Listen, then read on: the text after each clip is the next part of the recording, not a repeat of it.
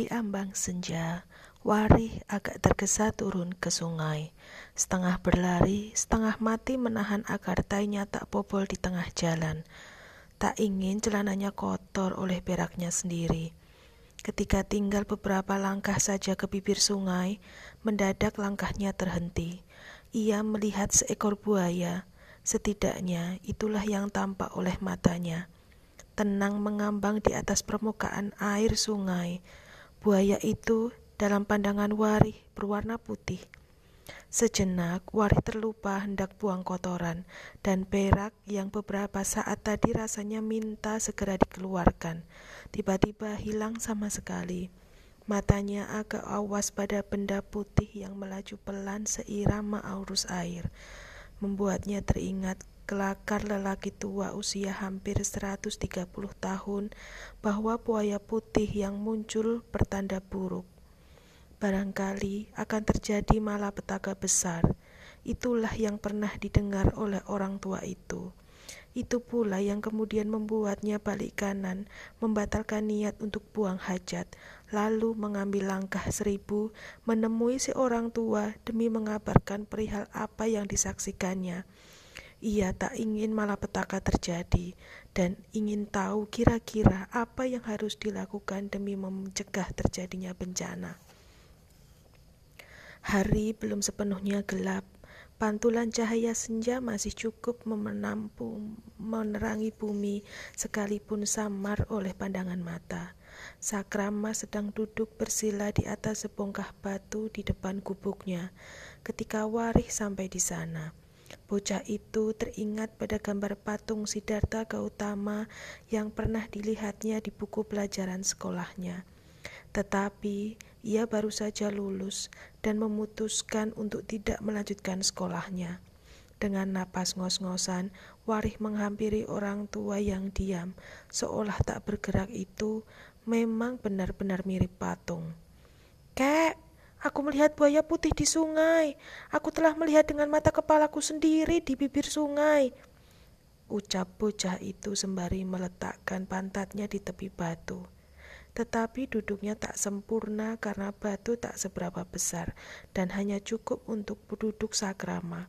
Orang tua yang dua tahun lagi usianya genap 130 tahun. Lelaki renta itu hanya mendehem. Tubuhnya yang ceking, terlampau ceking sehingga kulitnya tampak begitu tipis melekat membungkus belulangnya. Nyaris tak bergerak. Bocah gundul itu mafhum, mafhum dengan geming orang tua itu, seolah sangat yakin apa yang diucapkan pasti didengarnya. Maka ia melanjutkan. Kau pernah bilang, kalau sampai buaya putih muncul, itu tandanya bertanda buruk. Benar-benar bertanda buruk, kek. Diamlah, Sakrama memotong. Suaranya hampir tanpa tekanan. Terdengar sorak seolah di kerongkongannya ada dahak yang menyumpal. Begitupun bocah itu tersentak, lalu bergerak mendekat ke sebatang pohon asam yang ada tepat di hadapan Sakrama. Disandarkannya tubuhnya di batang pohon. Sekarang ia berhis, bersihadap dengan Sakrama yang mirip siluet saja. Sebab bagaimanapun hari seolah cepat berubah gelap. Lelaki tua itu tiba-tiba berdiri dalam langkah gelap matanya menatap Warih di bawahnya, yang juga mendongakkan wajah kepadanya. Adegan itu mirip seorang pendeta atau semacamnya yang sedang memberkati umatnya. Kak! Diamlah celurut.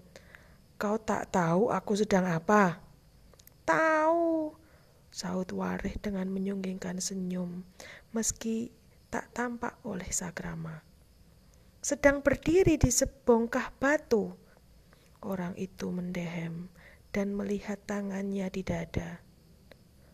Petaka apa yang terjadi? Warih bertanya, seolah itu suatu yang mendesak. Hati Sakrama sedikit bersabut dongkol karena sikap si bocah yang tak mengajukan perintahnya agar berhenti bercakap. Tetapi tak urung ia pun membuka suara juga. Di sungai itu tak ada buaya, apalagi buaya putih. Matamu mungkin sedang rabun, bukankah hari sudah petang? Aku tidak salah, berani sumpah Justru hari sudah petang begini, aku bisa melihat warna putih buaya itu. Sakrama turun di si bongkah batu, kemudian menderaikan tawanya. Ada-ada saja kau ini, bocah gundul. Orang tua itu terus tertawa sambil ngeloyor pergi menjauh dari Wareh yang hanya bergeming menatap kepergiannya. Warih tak tersinggung dengan sikap Sakrama. Ia hafal dengan tabiat orang tua itu. Sejak usia enam tahun, ia sudah akrab dengan Sakrama, menganggapnya sebagai sahabat hingga sekarang. Bahkan tak ada kawan sebayanya yang bisa seakrab Sakrama. Hoi, mau ke mana? Teriak Warih, tetapi tak ada sautan. Tetapi sebenarnya ia tahu ke mana orang tua itu pergi. Sakrama menuju ke pemakaman, bukan untuk ziarah, melainkan menemui sahabatnya yang lain, pohon tua yang tumbuh di tengah pemakaman. Ya, selain berkawan dengan Warih, Sakrama berkawan dengan pohon tua itu. Ia akan bercakap-cakap dengannya, seolah pohon itu bisa bicara. Itulah kenapa orang-orang menganggapnya gila. Wareh sendiri kadang-kadang mendapatkan teguran dari mereka agar tidak berteman dengan orang gila, tetapi ia tak mengajuhkannya. Bagi Warih, Sakrama tidak gila. Ia hanya berpikir kalau lelaki yang sudah lebih dari satu abad hidup di dunia ini hanyalah aneh. Aneh tidak sama dengan gila, begitu pikir Warih. Sekarang, Warih sendiri saja dan masih terpekur menyandar di pohon asam. Hari kian gelap dan matanya tak dapat melihat kubuk sakrama yang memang tak berpenerang. Mungkin memang tak ada apa-apa, ia bergumam. Mungkin apa yang kulihat bukan buaya putih. Angin berhembus kencang, merontokkan butiran daun asam, luruh dan beberapa butir menerpa wajahnya. Ia merasa udara bertambah dingin. Beberapa gigitan nyamuk dirasakan di kakinya. Dengan tergesa, ia setengah berlari. Ia menuju ke belakang gubuk sakrama, bukan lantaran udara dingin atau gigitan nyamuk, Hajat berak yang tadi sempat tertunda gara-gara melihat buaya putih, kini mendesak-desak lagi, minta segera dikeluarkan. Warih tahu, di belakang kubruk sakrama ada jembatan ala kadarnya. Seolah dibuat karena keadaan darurat.